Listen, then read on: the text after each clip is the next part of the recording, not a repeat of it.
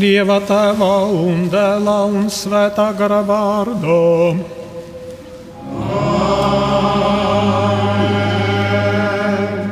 Miers lai ir ar jums!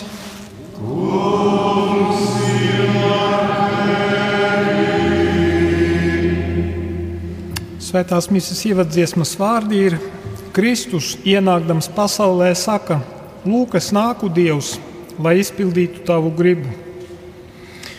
Un šodien mēs esam sapulcējušies, lai svinētu kunga pasludināšanas svinību svēto misiju un vienlaicīgi arī, lai atsauktos uz pāvesta Franciska aicinājumu vienotībā ar viņu veltīt Ukrainu, veltīt Krieviju, veltīt pasauli, un mēs pievienojam arī Latviju bezvainīgās jaunavas Marijas sirdī, atsaucoties uz atklāsmi, kas ir pie mums nonākusi caur Fatimas ganiņiem un vēlāk arī māsu Faustīnu, jo viena no tiem ganiņiem kļuva par mūķeni vēlāk.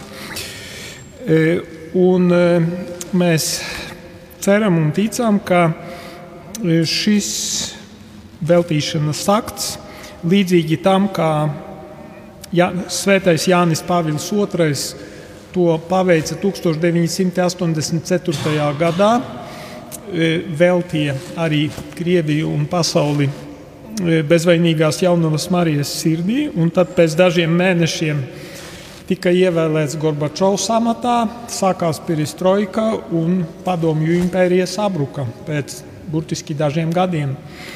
Un e, mēs lūdzamies šodien arī šī svētā misē, es to veltīju par mieru, arī atsaucoties pāvesta aicinājumam, un mēs ticam, ka šis, šī lūkšana visā pasaulē, kas šodien tiek raidīta uz Dievu, ka panāks tādu lūzumu šajā, diemžēl, ļoti traģiskajā karā, kas notiek Ukrajinā. Un, kā mēs zinām, kara iemesls parasti ir grēks, kaislības, kas ir sākas cilvēku sirdīs, tāpēc aicinu tagad šķīstīt arī mūsu sirdis ar grēku nožēlu, lai mēs varētu cienīgi piedalīties šai svētajā misijas upurī.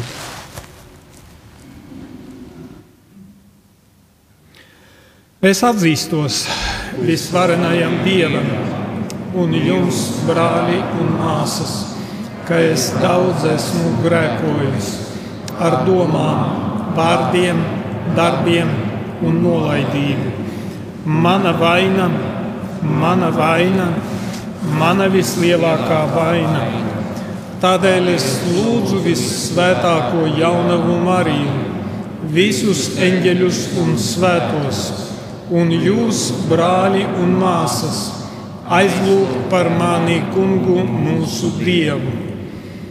Lai apžēlojas par mums visvarenais dievs un piedevis mūsu grēkus, lai mūs aizved mūžīgajā dzīvēm.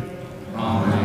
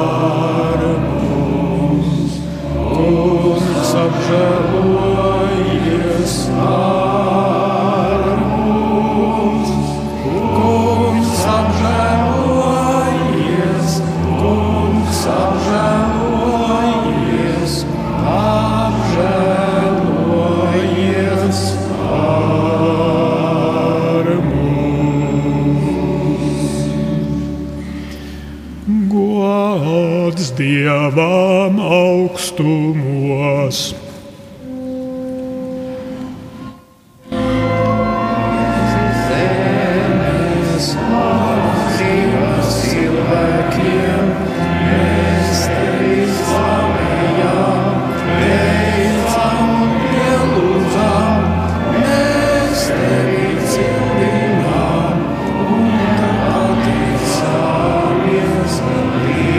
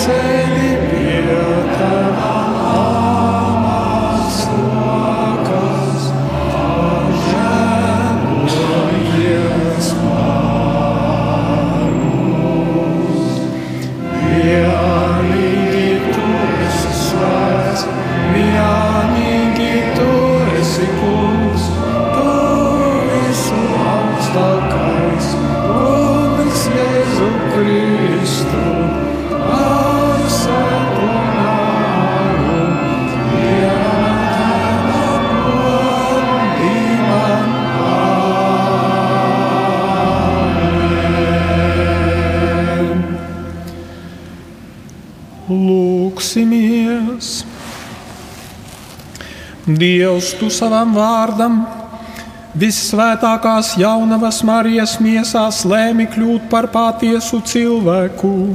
Palīdzi mums, lai atzīstot savu pestītāju par patiesu dievu un cilvēku, mēs izpelnītos žēlastību ņemt dalību viņa dievišķajā dzīvēm Mēs tevi lūdzam mūsu Kunga Jēzus Kristus, tava dēla vārdā, kas ar tevi dzīvo un valda svētā gara vienībā, Dievs visos mūžu mūžos.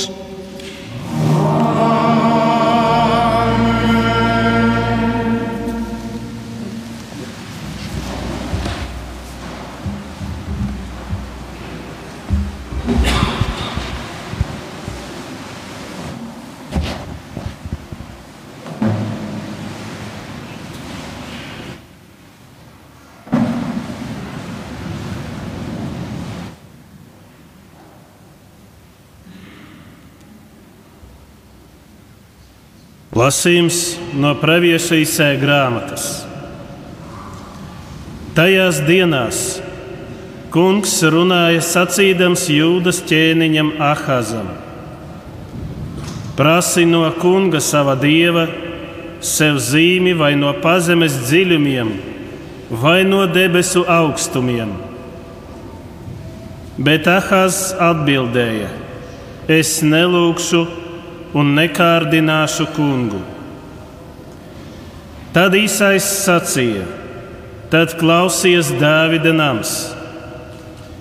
Vai tad jums nepietiek ar cilvēku apgrūtināšanu, ka jūs kļūstat nepanesami arī manam dievam?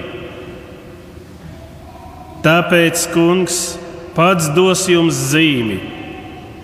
Lūk, jaunava ieņems un dzemdēs dēlu. Un viņa vārds būs Emanuēls. Tie, tie, tas ir Dieva vārds. Pateicība Dievam.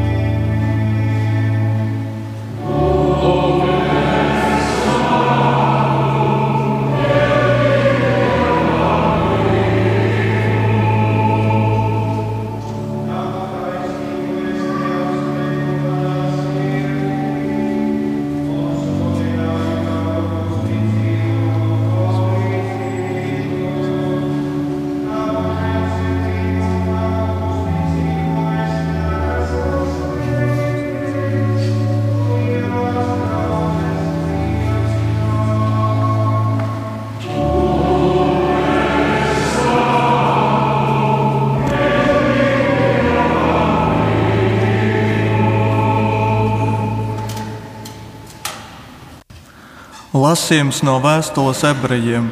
Brāļi, nav iespējams grēkus atcelt ar vēršu un āžu asinīm. Tāpēc, ienākdams pasaulē, Kristus saka, upurus un dāvanas tu nesi gribējis, bet esi man radījis miesu. Dedzināmie upuri un upuri par grēkiem tev nepatika, tad es sacīju, lūk, es nāku. Grāmatas sākumā ir rakstīts par mani, lai es izpildītu Dievs tavu gribu. Iepriekš pateicis upurus un dāvanas, dedzināmos upurus un upurus par grēkiem tu neesi gribējis, un tie tev nepatika, lai gan tie tika nesti saskaņā ar likumu. Pēc tam viņš saka: Lūk, es nāku, lai izpildītu tavu gribu. Viņš atceļ pirmo upuri, lai nodibinātu otro. Pamatojoties uz šo gribu, mēs esam svētdarīti ar Jēzus Kristus miesas upurēšanu reizi pār visām reizēm. Tie ir svēto rakstu vārdi.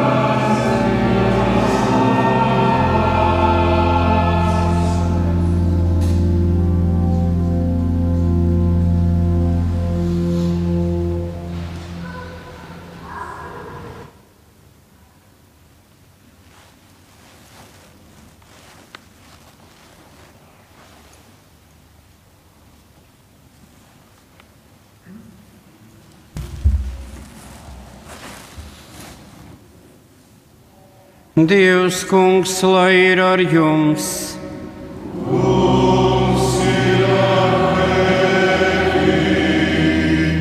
Lasījums no Jēzus Kristus evaņģēlija, ko uzrakstījis svētais Lūkas.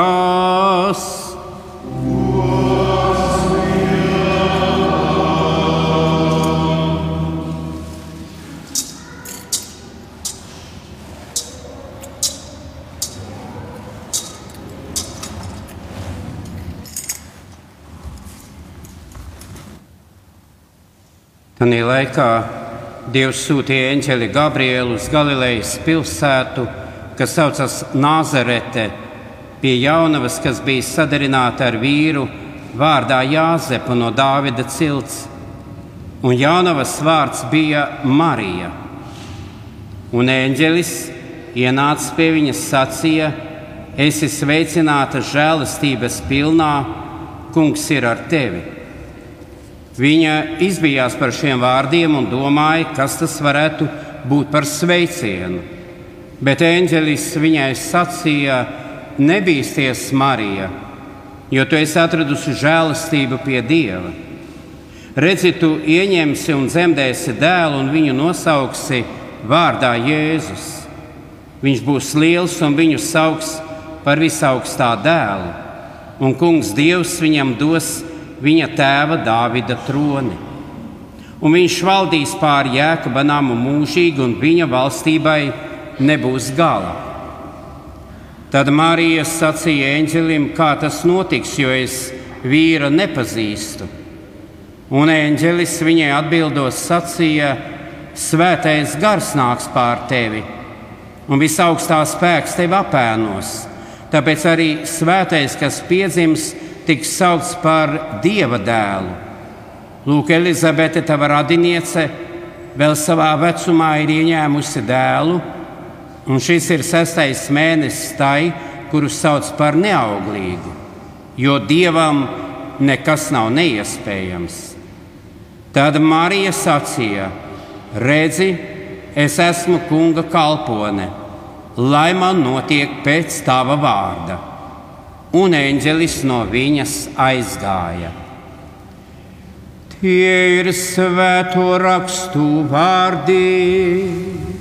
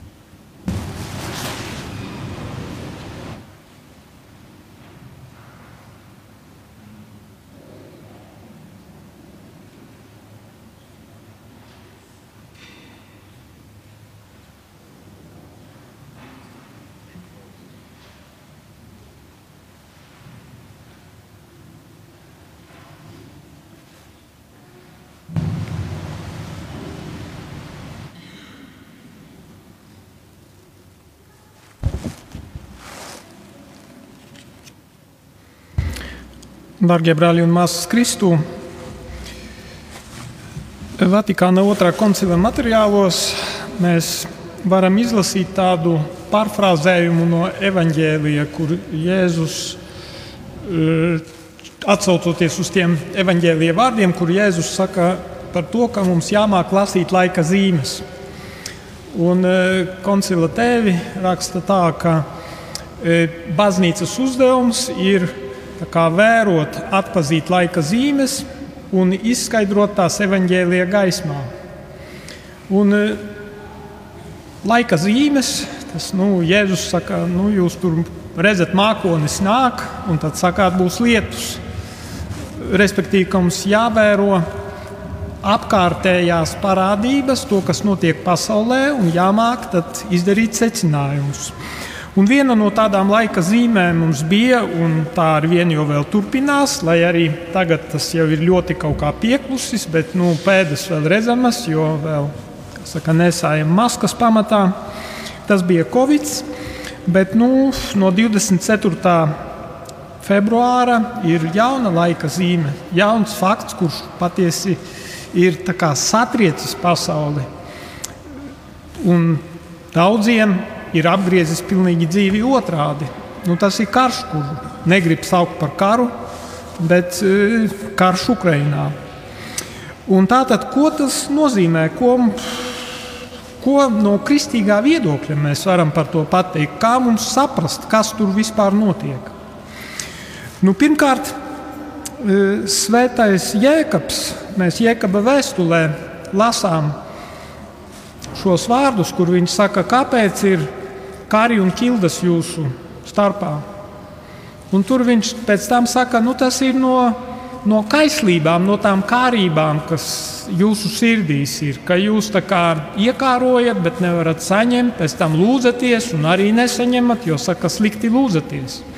Un interesanti, kā par to slikto lūgšanu, te tāda neliela atkāpe, ka patiesībā tas nozīmē, ka arī e, arī reliģiju var padarīt par ideoloģiju. Un patiesībā ar reliģiju piesaistīties, var kalpot nu, kaut kādām pasaulīgām ambīcijām un pasaulīgiem mērķiem.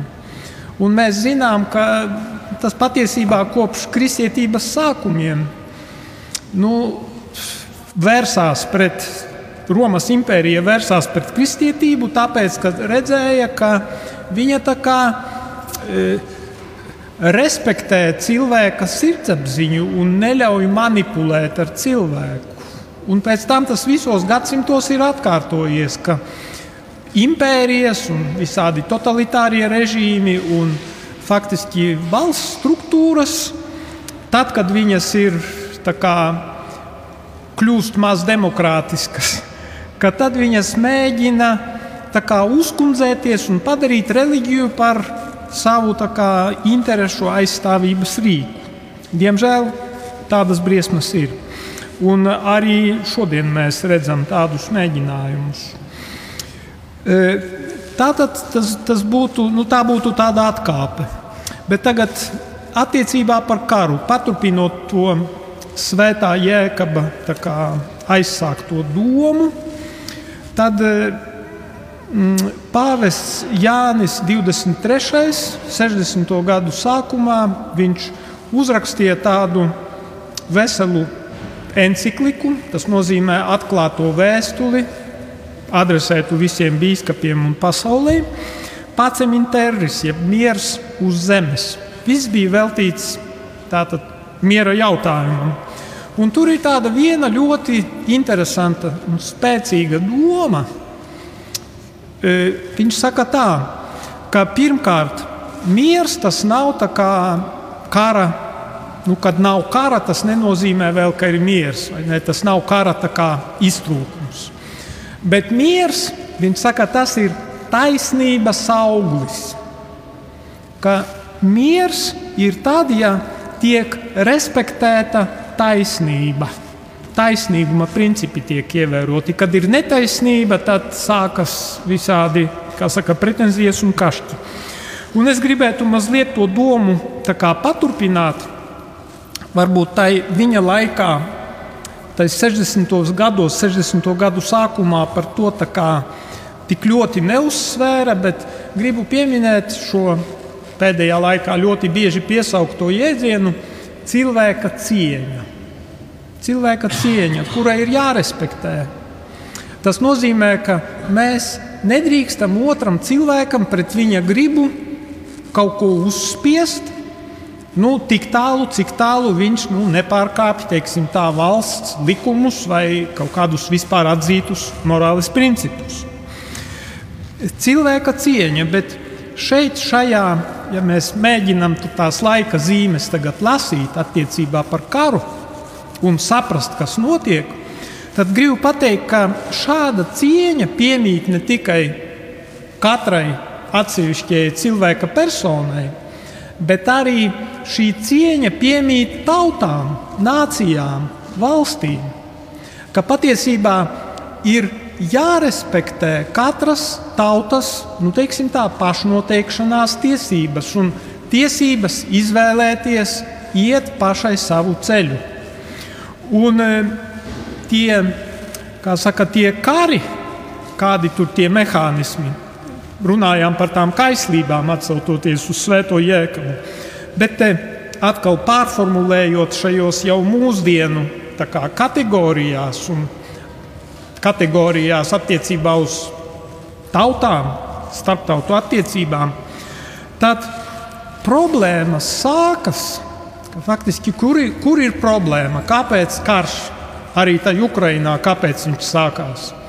Un kāpēc arī tāpat Pirmais pasaules karš, Otrais pasaules karš patiesībā kaut kur tur, kā saka, tie lielie kari parasti notiek tad, kad viena tauta, viena valsts drīzāk vēlas iejaukties otras valsts iekšējās lietās un mēģina uzspiest savu kā, gribu, savu vīziju, mēģina diktēt savus noteikumus. Un šeit es novilku tās paralēles, ka līdzīgi kā ir cilvēka cieņa, kura ir neizskarama, kura ir tā kā vecajā derībā, kad Mūzus redzēja degošo ērkšķu krūmu. Dievs viņam teica, noņem savas kurpes, jo tā zeme ir svēta. Respektīvi, katra cilvēka iekšējā pasaule, viņa arī ir svēta. Nedrīkst tur ar zābakiem iet iekšā. Un tāpat arī katras tautas kultūra, katras tautas tiesības uz to, lai izvēlētos savu ceļu, pat ja viņš tur ir ar kļūdām. Tā arī ir svēta lieta un nedrīkst iejaukties. Un kad otra valsts vēlas diktēt savus noteikumus, nu tad sākas šīs problēmas un sākas šie kari. Un mēs redzam, ka šī problēma tā nav tikai teiksim, šodien Krievijas un Ukrainas attiecībās. Mēs faktiski šī impēriskā domāšana tā jau vēsturē teikt, abi pasaules kari cēlušies tādā veidā. Un lielās un spēcīgās valstis, viņas ir tā kā var teikt, krīt tai pašā bedrē ļoti bieži, ka, jā, ka man ir tiesības diktēt apkārtējiem savus noteikumus, un ja viņi neuzvedās tā, kā es vēlos, tad var sākt bumbot. Nu, mēs redzam šie, šie, šie mehānismi. E, tā ka, e, tā ka redzam, ka šī kā mēģinam sasaistīt šos cilvēka cieņas jautājumus ar to, lai nu, saprastu, kas notiek, kas notiek šodien. Tas būtu viens aspekts. Bet vēl ir viens ļoti būtisks aspekts, jo mēs varam pateikt, nu jā, nu, uz mums tas neatiecas. Tie ir tie lielie, kas tur savā starpā kārto, kārto attiecības. Bet gribu jums nocitēt vienu fragment no mātes Terēzes uzrunas, kur viņa teica sekojošo. Viņa teica, lielākais miera drauds mūsdienās ir aborti. Jo, ja māte spēja nogalināt pati savus bērnus, tad kas var mani atturēt, nogalināt tevi vai tevi nogalināt mani? Ļoti spēcīgi vārdi. Ļoti spēcīgi vārdi, jo izrādās abortos nogalina vairāk bērnu nekā pasaules karos kopā. Un, tas ir tāds milzīgs izaicinājums. Tas vienkārši parāda, ka kara saknes tās ir ļoti daudzveidīgas. Tā ir tāda kā kaut kāda hidra ar daudzām galvām, vai daudzgalvainais puķis. Tur nav, nav tikai viens iemesls. Un patiesībā ikvienā gadījumā, kad cilvēks iziet uz kompromisu ar grēku, ar smagu grēku, viņš pieliek klāt savu, savu kā, ieguldījumu tajā lielajā pulē, no kura tad sāk uzliesmot, uzliesmot tie, tās kara briesmas. Un tāpēc kāds, tas būtu teikt, tie, nu, tie mehānismi, un tas, lai mēs apmēram saprastu, kas, kas kas tai virtuvē notiek. Nu jā, tie būtu tie negatīvie aspekti. Bet tagad, nu kāda būtu izēja, kas mums būtu jādara, lai tiktu tam pāri? Un patiesībā šodienas lasījumi ir ļoti spēcīgi un tieši psalms un otrais lasījums. Un, protams, arī evanģēlijā tas, ir, tas parādās šis motīvs. Mēs dziedājām, Lūk, es nāku pildīt dieva gribu. Jo es teiktu, tā, tādā situācijā, kad mēs nesaprotam, kas notiek, kad mēs neredzam, kāda jēga tam, kas notiek, un sevišķi, protams, arī tie, kuri piedzīvo kara briesmas, un šodien apmeklēju bēgļu uzņemšanas centru vecrīgā Kaļķu ielā, tikos ar bērniem un viņu mātēm. Un, jā, viņi, viņi ļoti saka, spēcīgi saņēmuši triecienu caur, caur to kara pieredzi. Ko, ko darīt? Kāda, kā rīkoties, kā dzīvot tālāk? Un šajā psalmā šis ir viskaidrākā norāde, kas, kas ir svarīgi, kāda ir vērtību skala pareizā. Lūk, es nāku pildīt dieva gribu. Dievs, kāda ir tava griba? Ko tu vēlies man caur to pateikt? Ko tu vēlies, lai es daru? Un tādā gadījumā, teiksim, arī tādu vienu mazu atkāpi, e, var pilnīgi savādākā veidā skatīties uz notiekošo. Es pirms dažām dienām redzēju mazu fragment no E, Grieķu katoļu baznīcas galvas Ukrainā. Tas ir vecākais arhibīskaps, kas pilda patriarha teikt, jau amatu, e, Šefčuks, kurš teica tā, nu jā, man jautā, un daudzi jautā, kur ir Dievs tajā visā? Kāpēc Dievs ir pieļāvis šo karu, šīs visas ciešanas, ka tiek bombardēti nu, slimnīcas, skolas un patversmes? Kā, kur ir Dievs? Un viņš Un viņa atbilde bija ļoti skaidra un vienkārša. Viņš teica, Dievs ir ar tiem, kuri cieš. Jo Dievs tapa cilvēks. Mēs šodien svinam viņa iemiesošanās noslēpumu jaunavas Marijas miesās. Viņš tapa viens no mums, viņš ļāva, viņš cieta līdz ar visiem un tika nonāvēts pie krusta. Viņš cieta, viņš ir tur, kur cilvēks cieš. Viņš cieš līdz ar to cilvēku.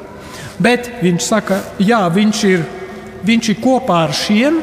Mēs ticam, ka mēs tātad esam kopā ar to Kristu, kas ir sists krustā un cietis un pazemots, bet mēs ticam, ka mūsu tauta būs kopā ar viņu arī augšām celšanās noslēpumā.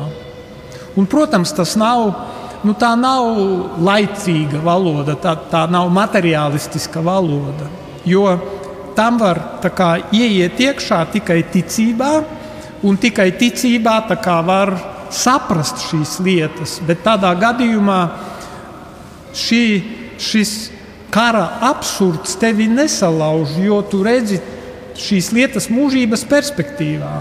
Un, ja tu saproti, ka galvenais ir dzīvē nevis labi iekārtoties savā līgzdiņā, bet izpildīt dieva gribu, nu tad, tad jā, tā dieva griba viņai ir ļāvusi cilvēkam valdīt pār zemi, devusi cilvēka rīcībā zemi.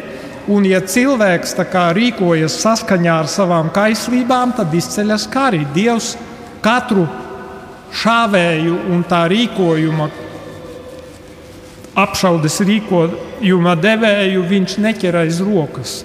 Viņš ir devis zemi cilvēku rīcībā, un cilvēki ar viņu rīkojas bet vienlaicīgi kaut kādā noslēpumainā veidā. Tātad viņš mums grib kaut ko pateikt šai sakarā.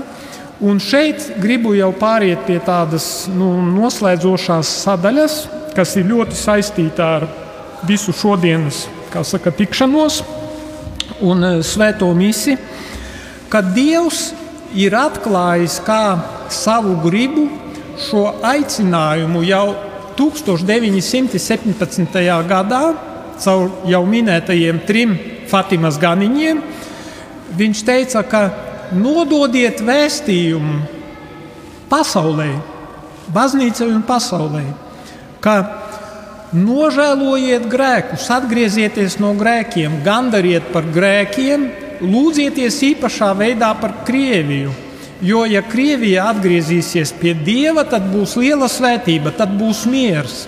Ja Krievija neatgriezīsies pie Dieva, tad viņa izplatīs savus maldus pa visu pasauli un būs ar vienu jaunu kari. Un atnāks vēl viens karš, vēl briesmīgāks par iepriekšējo. Un mēs redzam, patiesībā tā arī notika.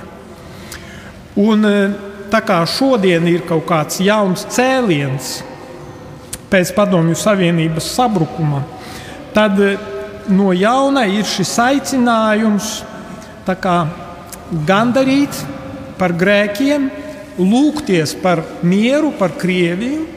Un tajā lūkšanā par Krieviju bija nu, tāds ļoti, ļoti teikt, tāds, es teiktu, negaidīts un ļoti īpašs pavērsiens, ka tai māsai Faustīnai, e, māsai Lūcijai, kura bija viena no tiem trim ganiņiem, Dievs atklāja caur dievmāti, ka Krieviju un pasauli vajag veltīt viņas bezvainīgajai sirdī. Tas nozīmē, lūkšanā atdot viņas īpašā, īpašā aizbildniecībā.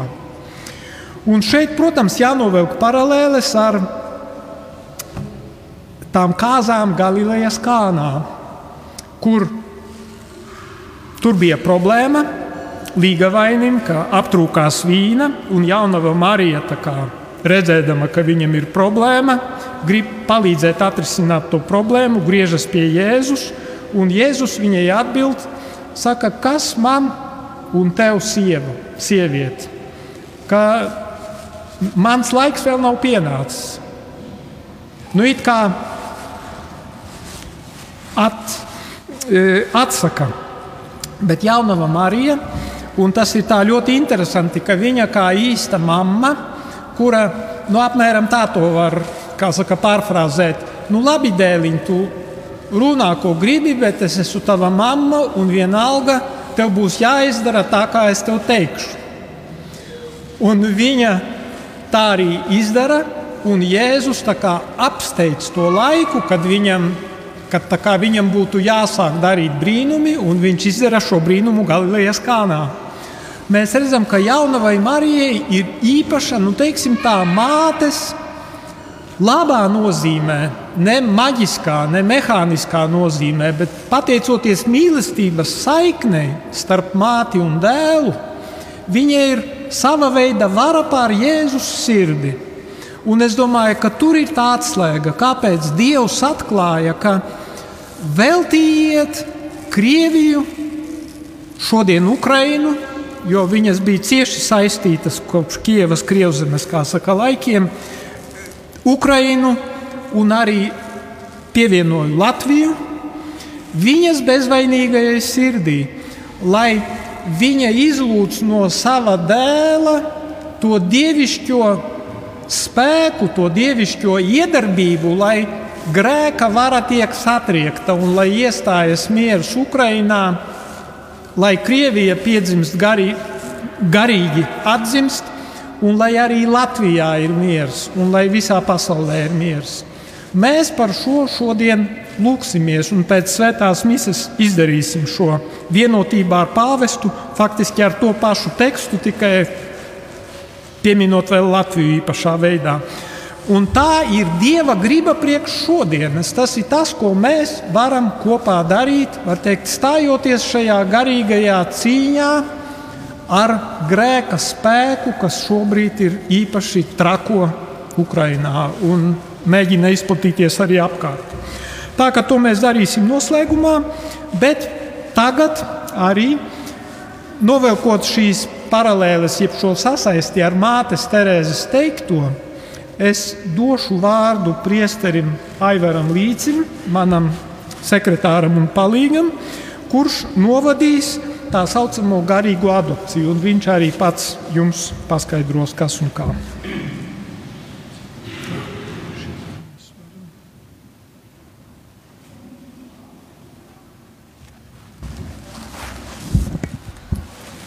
Dārgā Dieva tauta, 25. martā daudzos Latvijas un arī pasaules dievnamos notiek tā saucamā garīgā adopcija. Tas nozīmē salikt svētsolījumu, lai deviņus mēnešus ikdienas lūgtos par kādu nedzimušu bērnu, kura dzīvībai draud briesmas.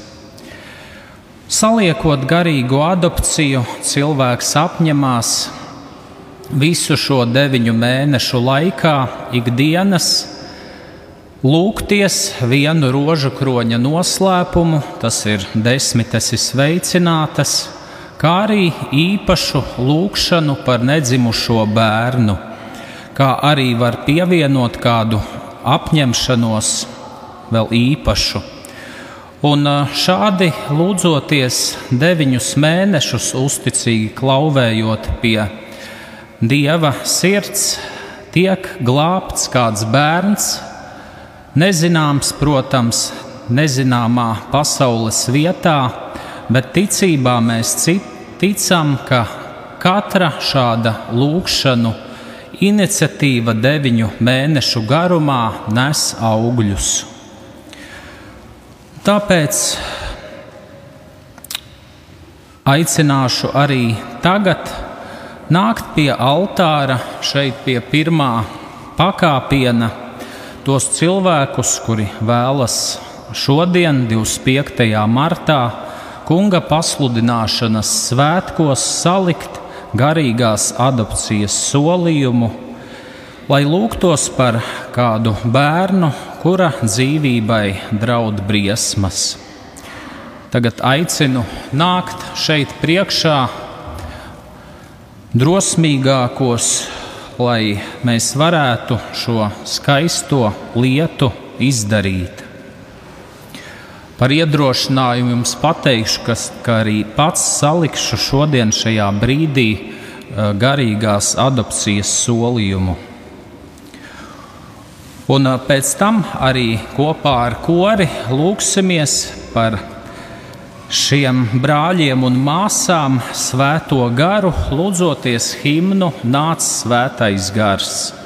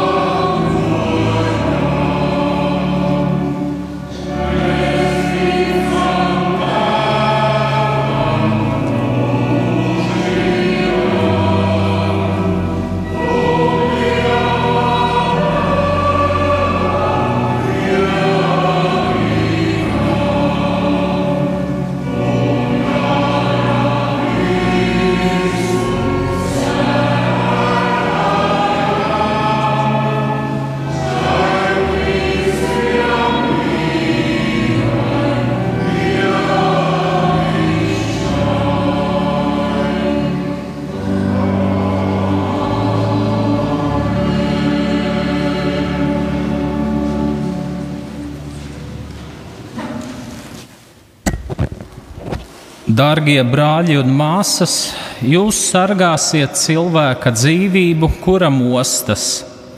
Ar īpašu lūgšanu un gandarīšanas darbiem palīdzēsiet baznīcai cīnīties ar sātanu, kas aicina nogalināt ieņemto bērnu.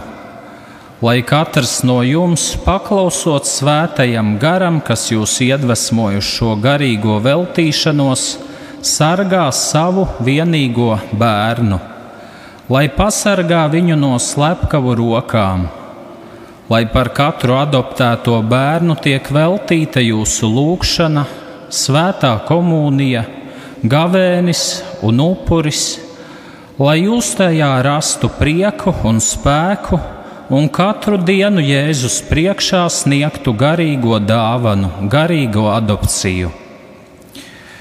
Šajā brīdī arī pasniegšu tiem, kas saliek solījumu, Kristus gaismu, kā zīmi, ka Kristus īpašā veidā ir klātesošs šajā lūkšanā deviņus mēnešus, jo arī viņš tieši pasludināšanas brīdī nāca Marijas jaunavas klēpī un pēc deviņiem mēnešiem tapa cilvēks.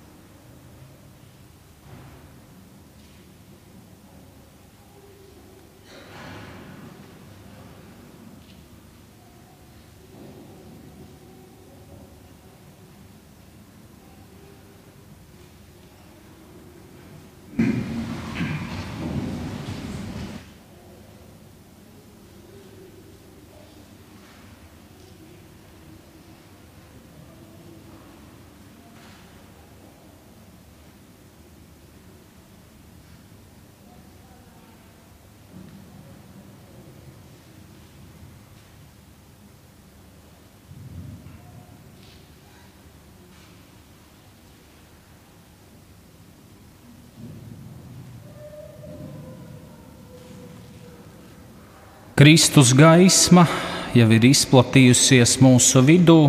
Saņemiet Kristus gaismu, lai godībā augšām celtā viņa atspīdēšanas gaisma izkliedē arī mūsu sirds un prāta tumsu. Tagad, dārgie brāļi un māsas, kopīgi lūksimies šo solījuma došanas lūgšanu. Un tajā brīdī, arī pašā lūkšanas sākumā, kad pieminēsim svētos, arī pateiksim katrs klusumā savu vārdu, arī nosauksim atsevišķā vietā šodienas svētkus, Kristus pasludināšanu. Tagad tie, kuriem ir šī lūkšanas solījuma teksts, paņemiet lapiņas. Un tiem, kuriem nav tie, paskatieties uz saviem kaimiņiem.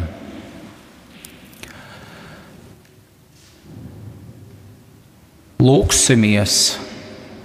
Vissvētākā jaunava, Dieva māte Marija, visi eņģeļi un svētie, es un katrs nosaucam savu vārdu, Aivars, vēloties aizsargāt nedzimušos, stingri apņemos un solu, ka no šīs dienas kunga pasludināšanas svētkiem garīgi adoptēju vienu bērnu, kura vārds ir zināms tikai dievam, lai katru dienu, deviņu mēnešu garumā, lūgtos par viņa dzīvības saglabāšanu kā arī par to, lai viņam pēc piedzimšanas būtu cilvēka cienīga dzīve. Es apņemos lūgties vienu rožu kroņa noslēpumu, pildīt savas papildu brīvprātīgās apņemšanās, lūgties ikdienas lūgšanu nedzimušā bērna nodomā, kuru šodien pirmo reizi izsacīšu. Kungs Jēzu, ar tavas mātes Marijas aizbildniecību, kura tevi dzemdēja ar mīlestību, kā arī ar svētā Jāzepa, uzticīgā vīra aizbildniecību, kurš rūpējās par tevi pēc piedzimšanas, es lūdzu tevi šī nedzimušā bērna nodomā, kuru esmu garīgi adoptējis bet kurš atrodas nāves briesmās. Lūdzu, dāvā vecākiem mīlestību un drosmi, lai savu bērnu, kuru tu viņiem dāvāji, tie atstātu dzīvu. Āmen! Lūksimies! Dievs dzīvības un labuma avots, tu sūtīji savu dēlu dzīvības vārdu, uzklausi mūsu lūgšanas, bet tos, kas šodien deva solījumu, svētī, lai ar tavas žēlastības palīdzību viņi izpildītu to, ko apņēmās caur Jēzu Kristu mūsu kungu. Āmen! Tagad turpināsim svēto misi, bet visiem tiem, kuri ir salikuši solījumu, novēlu, lai pēc deviņiem mēnešiem jūs katrs piedzīvotu kādu īpašu brīnumu. Paldies!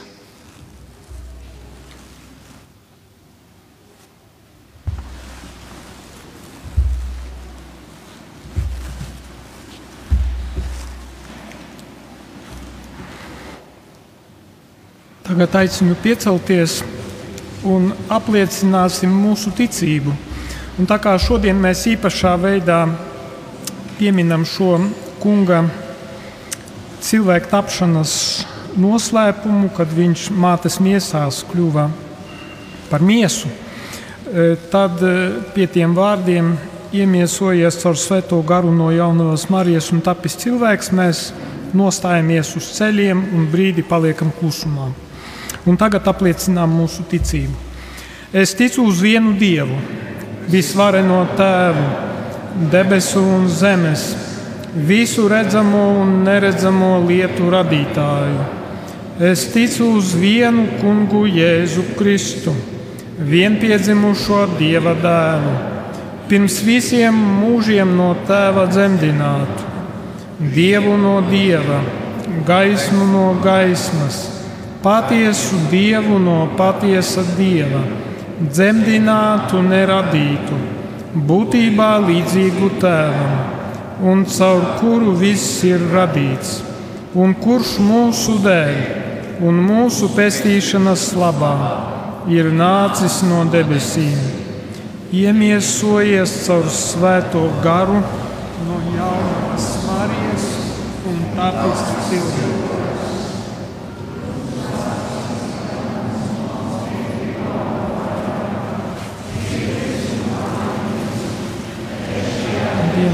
Augšām cēlies, kā pravietots rakstos, uzkāpis debesīs, sēž pie tēva labās rokas, un atkal godībā atnāks tiesāt dzīvos un mirušos, un viņa valdīšanai nebūs gala. Es ticu uz svēto garu, kungu un atdzīvinātāju, kas no tēva un dēla iziet kas ar tēvu un dēlu tiek līdzīgi pielūgts un slavēts, kas ir runājis caur praviešiem. Es ticu uz vienu svētu, katolisku un apustulisku baznīcu. Es atzīstu vienu kristību grēku piedošanai, gaidu mirušo augšām celšanos un dzīvi nākamajā mūžībā. Amen. Lūksim visvareno Dievu, kas mūs tik ļoti mīlēja, kas sūtīja pasaulē savu vienzimušo dēlu.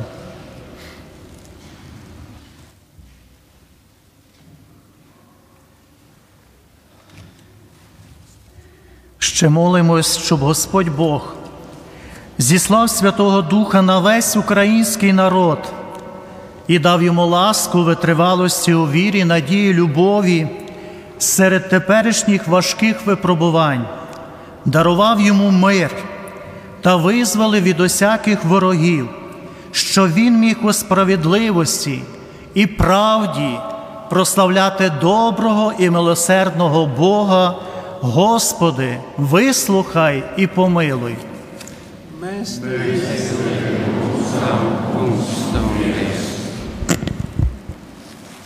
Mūžīgais Dievs, Svētī mūsu pāvestu Francisku, visus biskupus, priesterus un diakonus ar savu žēlsirdības, mieru un prieku svētību. Dāvā saviem garīdzniekiem visas viņu kalpojumam nepieciešamās žēlastības. Mēs tevi lūdzam, Kungs un Dievs! Lūksim par baznīcas sinodālo jeb kopīgo ceļu, ko esam uzsākuši, lai Dievs vada, svētī un atjauno savu baznīcu šīs garīgās pieredzes laikā. Mēs tevi lūdzam, Kungs un Dievs. Dievs, tu vēlējies, lai tavs dēls piedzimtu cilvēku ģimenē, apžēlojies un stiprini visas ģimenes un pildi visas mājas ar savu svētību. Mēs tevi lūdzam, Kungs un Dievs. Kungs, mēs lūdzam, lai caur jaunavas Marijas Dieva mātes aizbildniecību tiktu novērtēta katra ieņemtā dzīvības dāvana. Mēs tevi lūdzam, Kungs un Dievs. Lūdzam par mirušajiem Ukrajinā, mūsu mirušajiem brāļiem un māsām, lai Dieva žēlsirdības dēļ viņi drīkst iet debesu godībā. Mēs Dievs, mēs pateicamies par lielo žēlastību un par visām dāvanām, ko saņemam no Tavas mīlestības, un slavējam Tevi par Tavu nodomu dāvāt cilvēcei pestīšanu. Ļauj mums sasniegt debesu valstību, ko ar savu nāvi un augšām celšanos Tavs dēls ir atvēris visiem, kas Tevi mīl. To mēs lūdzam caur Jēzu Kristu, Tavu dēlu mūsu kungu, kas ar Tevi dzīvo un valda svētā gara vienībā, Dievs visos mūžu mūžos. Amen.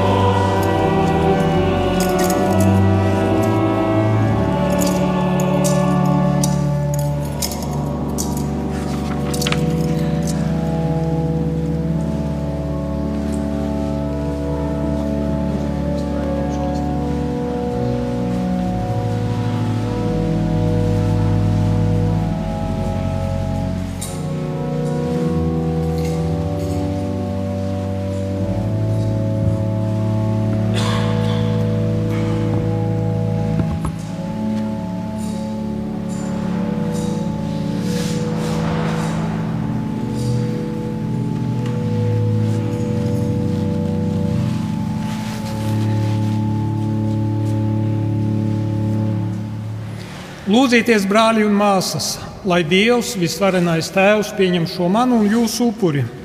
Lai kungs te pieņem šo upuri ar godu un slavu savam vārdam, par labu mums un visai viņa svētajai baznīcai. Visvarenais Dievs, tevi lūdzam, pieņem upuri no savas baznīcas, kas iesākās līdz ar tava dēla iemiesošanos un dāvā mums prieku svinot šī noslēpuma piemiņu caur Jēzu Kristu mūsu kungu.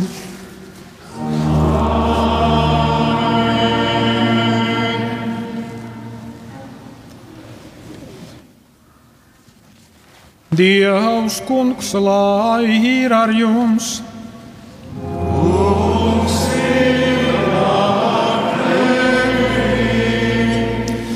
Uz augšu sirdīs. Mūsu sirdīs ir miekungā. Pateiksimies kungam mūsu dievam. Tas ir labi un taisnīgi. Patiesi tas ir labi un taisnīgi, pareizi un svētīgi Kā tev, debesu Tēvs, visvarenais mūžīgais Dievs, mēs pateicamies vienmēr un visur. Pār viņu jaunava Marija saņēma eņģeļa vēstī, kā Dieva dēls piedzimst starp cilvēkiem un cilvēku labā. Un paklausības vadītā Viņa to bezvainīgi ieņēma no svētā garā, lai īstenotos Izraēla bērniem dievā dotais solījums un brīnišķīgā veidā piepildītos visu tautu cerībās. Tāpēc debesis un zeme viņu godinā, eņģeļu pulki viņu cildinā nemitīgi saucot.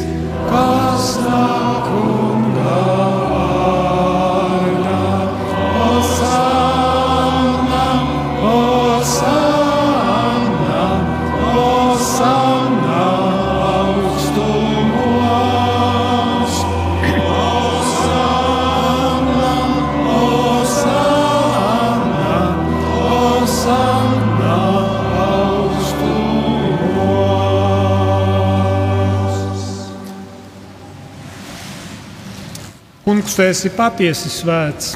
Tev pienākas gods no ikvienas radības, jo caur tavu dēlu, mūsu kungu Jēzu Kristu un Svēto garu, tu visu dzīvini un dari svētu un nemitīgi pulcini sev tautu, lai no saules lēkta līdz pat rietam, tiktu upurēts tavam vārdam par godu tīrs upuris. Dziļā pazemībā mēs tevi lūdzam, Kungs, svētī šīs mūsu upurdāvanas tā paša svētā gara spēkā, lai tās mums top par tava dēla, mūsu kunga Jēzus Kristus, miesu un asinīm, jo pēc viņa pavēles mēs svinam šo noslēpumu. Tā ir vakarā, kad viņu nodeva. Viņš ņēma maizi, tev pateikdamies, svētīja, lauza un deva saviem mācekļiem sacīdams Ņemiet un ēdiet no tās visi, jo tā ir mana miesa, kas par jums tiks atdota.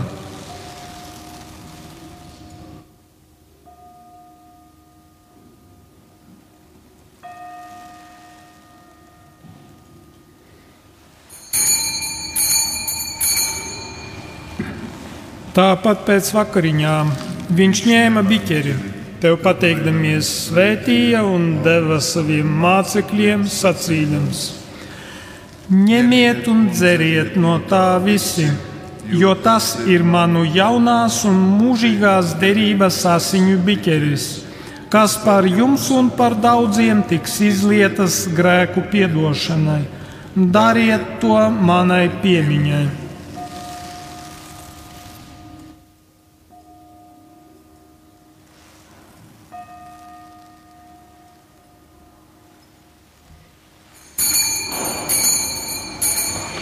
Lūk, ticības noslēpums. Mēs vēstīsim par tavu nāvi, kungs, un liecināsim par tavu augšām celšanos, līdz pat tavai atnākšanai. Tāpēc, pieminēdami kungs tava dēla ciešanas, kas nesa mums pestīšanu, atceroties viņa brīnišķīgu augšām celšanos un uzkāpšanu debesīs, kā arī gaidot viņa otrreizēju atnākšanu Mēs ar pateicību te upurējam šo dzīvo un svēto upuri. Raugies, lūdzam, uz savas baznīcas upurdāvanu, uz to upuri, kas mūs samierināja ar tevi, lai mēs, pieņemdami tava dēla miesu un asinis, saņemtu viņa svēto garu un kļūtu viena miesa un viens gars ar Kristu. Viņš lai mūs padara par mūžīgu dāvanu tev ļaujot mums saņemt mantojumu kopā ar taviem izredzētajiem, ar visvētāko jaunavu Dieva māti Mariju, ar svēto Jāzepu viņas līgavaini, ar taviem svētajiem apstuļiem, godpilniem mocekļiem un visiem svētajiem, kas mums palīdz pastāvīgi aizbildinot pie tevis. Mēs tevi lūdzam, Kungs, lai šis mūsu izlīguma upuris nes visai pasaulei mieru un pestīšanu. Stiprini ticība un mīlestība visu savu baznīcu šīs zemes gaitas, savu kalpu, mūsu pāvestu Francisku un mūsu bīskapu Zbignevu, visus bīskapus un garīdzniekus, kā arī savu tautu, ko esi atpircis esi labvēlīgs savai saimē, kas ir nākusi pie tevis ar lūgšanām. Bet pie sevis labais tēvs arī tos savus bērnus, kas ir tālu no tevis. Bet mūsu nomirušos brāļus un māsas un visus, kas tava žēlastībā aizgājuši no šīs pasaules, uzņem savā valstībā, kur arī mēs ceram nokļūt, lai vienmēr skatītu tavu godību caur Jēzu Kristu, mūsu kungu, caur kuru tu pasaulē dot visu labu.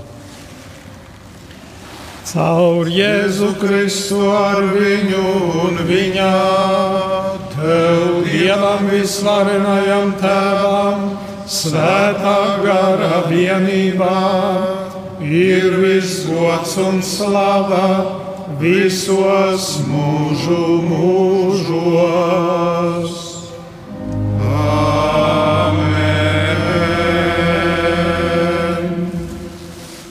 Paklausot pestītāja vārdiem un viņa dievišķo likumu pildot, mēs ar paļāvību sākām. Tēvs mūsu, kas esi debesīs, svētīts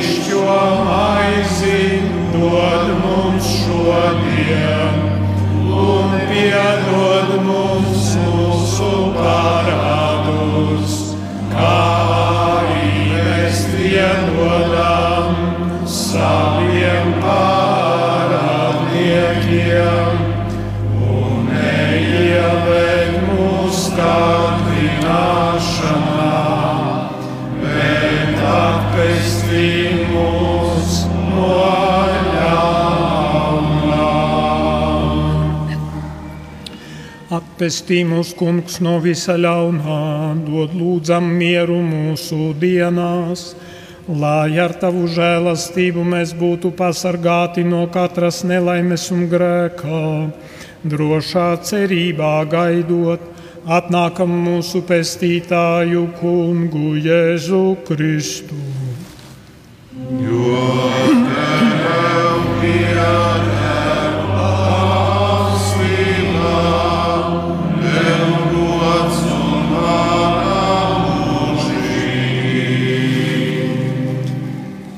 Kungs Jēzu Kristu, kas esi sacījis saviem apustuliem, Es jums atstāju mieru, es jums dodu savu mieru.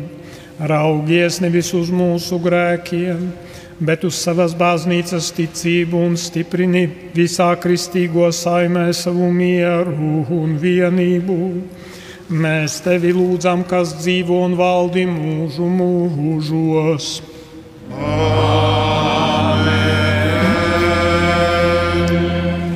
Lai Dieva miers ir ar jums vienmēr. Dieva miers lai ir ar tevi. Vienosimies miera sveicienā.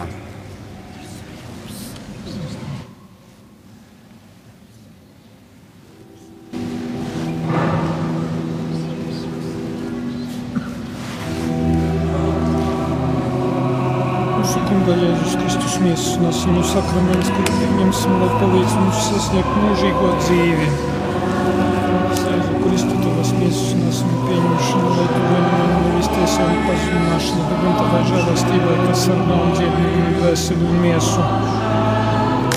Lūk,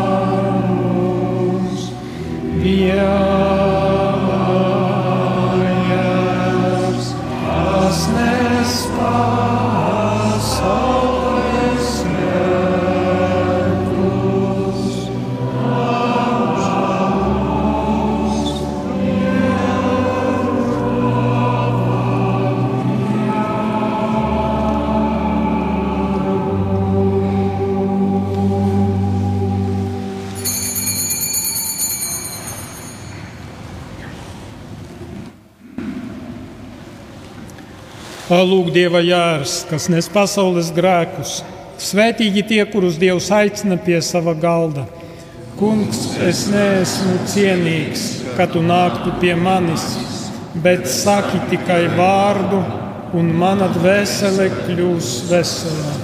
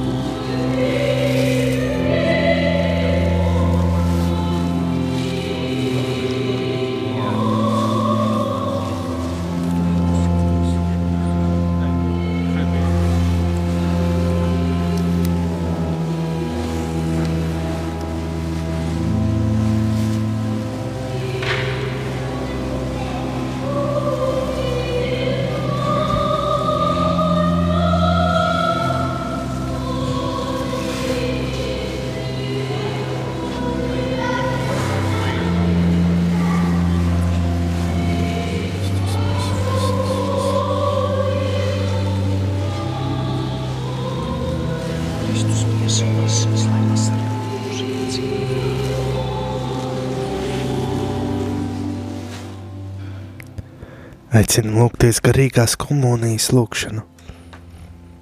Mans Jēzu, es ticu, ka Tu esi klātesošs vissvētākajā sakramentā.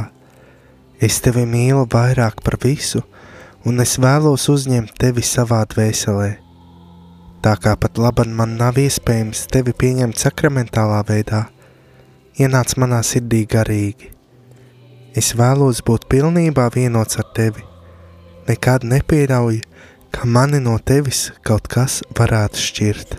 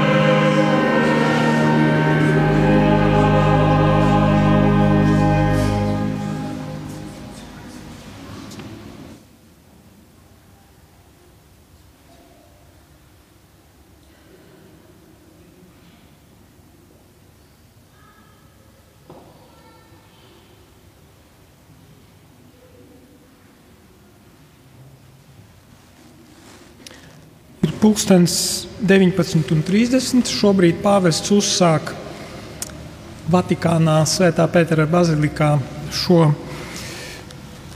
Krievijas, Ukrainas un pasaules veltīšanu bezvainīgajai Marijas sirdī, un mēs to darīsim vienotībā ar viņu arī tagad. Šeit, altāra priekšā, es nomatīšos uz ceļiem. Lūdzu, visus vai nu stāvot, vai no ceļiem.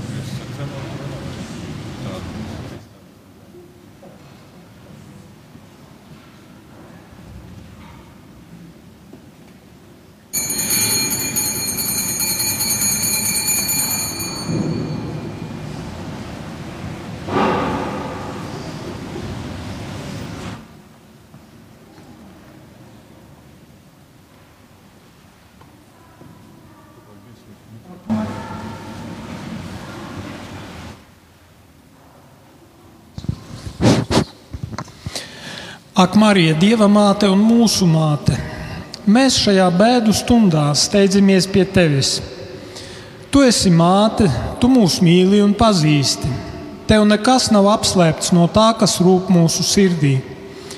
Žēlsirdības māte, mēs daudzreiz pieredzējām tavu gādības pilno maigumu, tavu klātbūtni, kas nes mieru, jo tu vienmēr mūs vadi pie Jēzus, miera karaļa. Taču mēs nomaldījāmies no miera ceļa. Mēs aizmirsām pagājušā gadsimta traģēdiju mācību, miljoniem kritušo upuri, upuru pasaules karos. Mēs neievērojām saistības, ko uzņēmāmies kā nāciju kopiena. Un mēs nododam tautu sapņus par mieru un jauniešu cerības. Mēs saslimām ar alkatību, ieslēdzāmies nacionālistiskās interesēs ļāvām sevi pārņemt vienaldzībai un paralizēt egoismam. Mēs izvēlējāmies ignorēt Dievu, sadzīvot ar saviem meliem, uzturēt agresiju, apspiest dzīvības un krāt ieročus, aizmirstot, ka esam sava tuvākā un mūsu kopīgo māju sargi.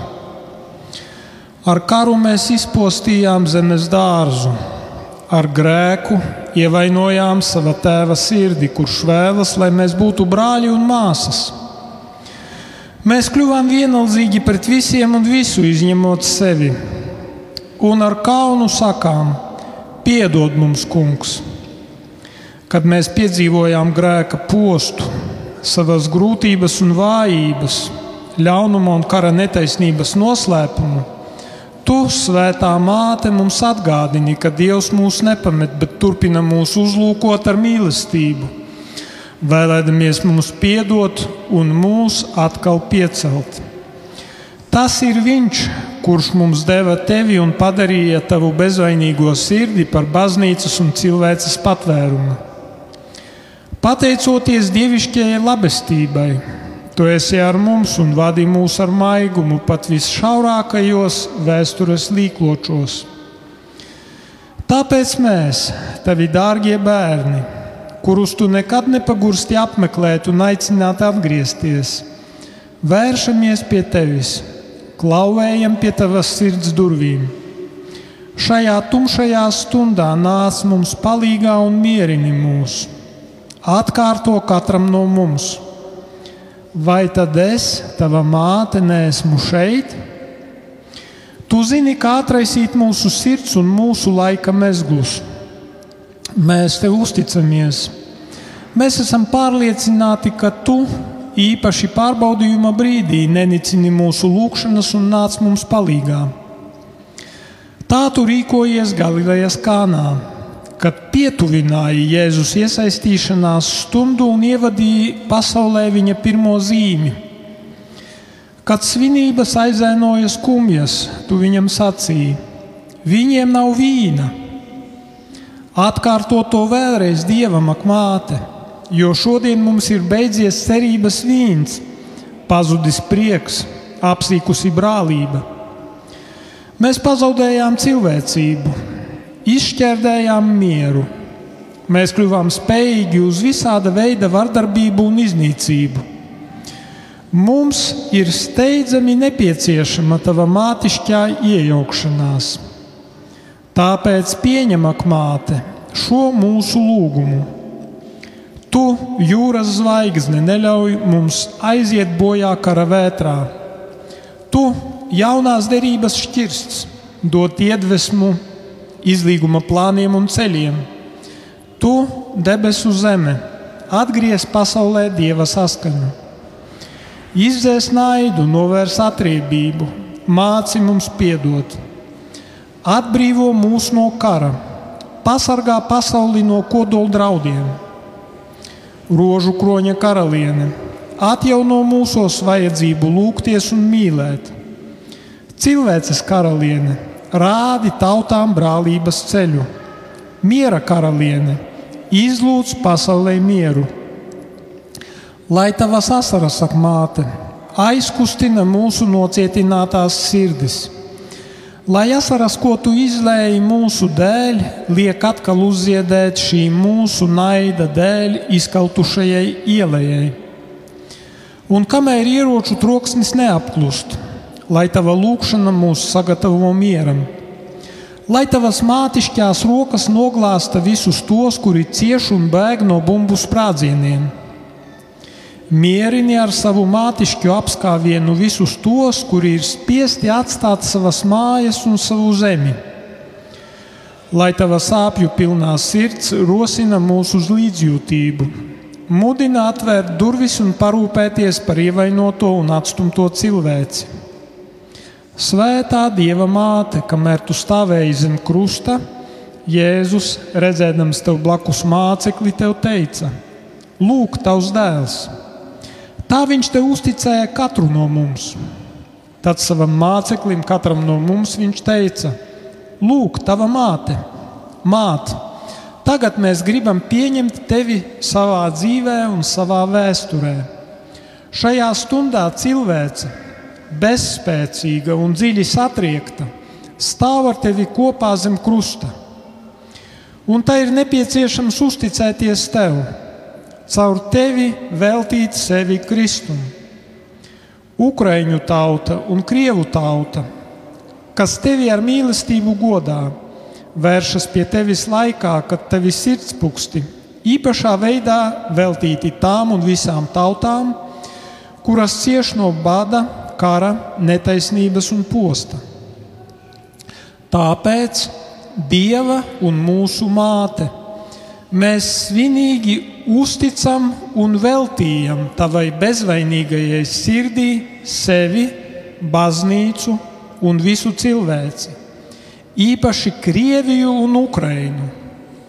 Tāpat veltījam tev arī mūsu Latviju. Pieņem šo mūsu aktu, ko veicam ar paļāvību un mīlestību. Dari, lai karš tiktu izbeigts, dāvā pasaulē mieru lai jāvārds, kas izplūda no tavas sirds, atver vēstures durvis miera karalim. Mēs paļaujamies, ka ar tavas sirds starpniecību pasaulē atkal iestāsies miers. Mēs veltām tev visas cilvēces nākotni, tautu vajadzības un gaidas, pasaules bažas un cerības lai caur tevi pār zemi izlējas dieva žēlsirdība, un miera maigie puksti atkal piepilda mūsu dienas. Sieviete, kura teica jā, pār kuru nonāca svētais gars, ienes mūsu savstarpējās attiecībās dievišķo harmoniju. Tu, kas esi cerības dzīvinošā strūklaka, atdzīvini mūsu izkautušās sirdis Tu dāvāji Jēzum cilvēcisko miesu, dari mūs par vienotības veidotājiem. Tu staigāji mūsu ceļus, vadi mūs pa miera takām. Āmen!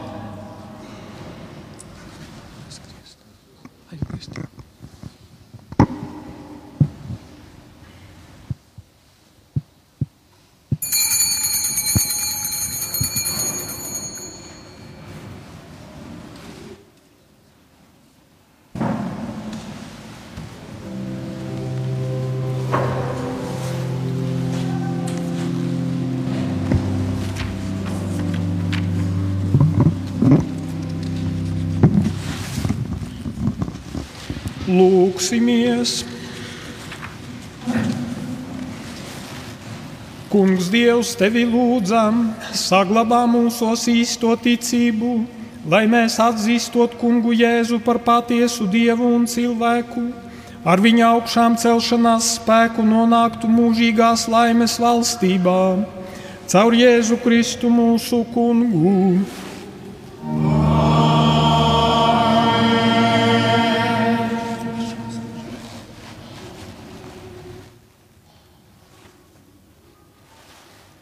Pirms dot svētību, gribēju pateikties visiem tiem, kuri atsaucās garīgās adopcijas aicinājumam, jo tā patiesībā ir cīņa par dzīvību, lai arī jūs neziniet, un mēs nezinām tā bērna vārdu, bet Dievs to zina, un jūs reāli cīnāties par mieru pasaulē tādā veidā, lai aizcirstu tās pašas dziļākās kara un nemiera saknes. Un es ticu, ka šis visas pasaules mēroga notikums, kurā mēs šovakar piedalījāmies un piedalāmies, ka tas patiešām radīs, agri vai vēlu radīs lūžumu šajā situācijā, kurai šobrīd. Tagad pieņemiet Dieva svētību. Dievs, kungs, lai ir ar jums!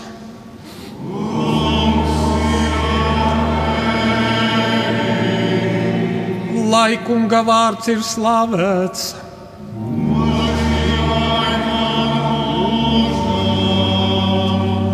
Mūsu palīdzība ir Kunga vārdā.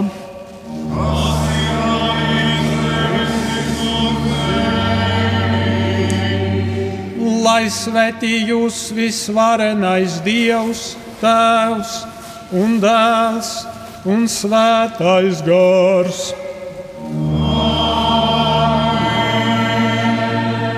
Dieva žēlastība, lai jūs pavadātu.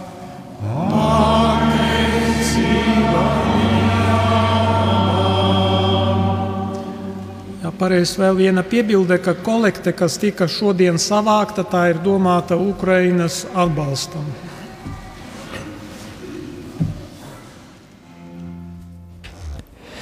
Darbie radio Marija Latvijas klausītāji, nu pat dzirdējāt svētās mises tiešraidi no Rīgas svētā Alberta baznīcas, bet jau pēc īsa brīža arī pārraide no svētā Pētera bazilikas Romā dzirdēsim gandarīšanas liturģiju, kuras laikā notiks arī Krievijas un Ukrainas veltīšana vissvētākās jaunavas Marijas bezvainīgajai sirdī.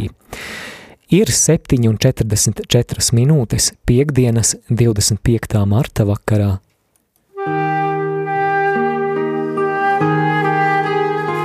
24 stundas kungam kopā ar Radio Mariju Latviju no piekdienas līdz sestdienas pulksten sešiem vakarā.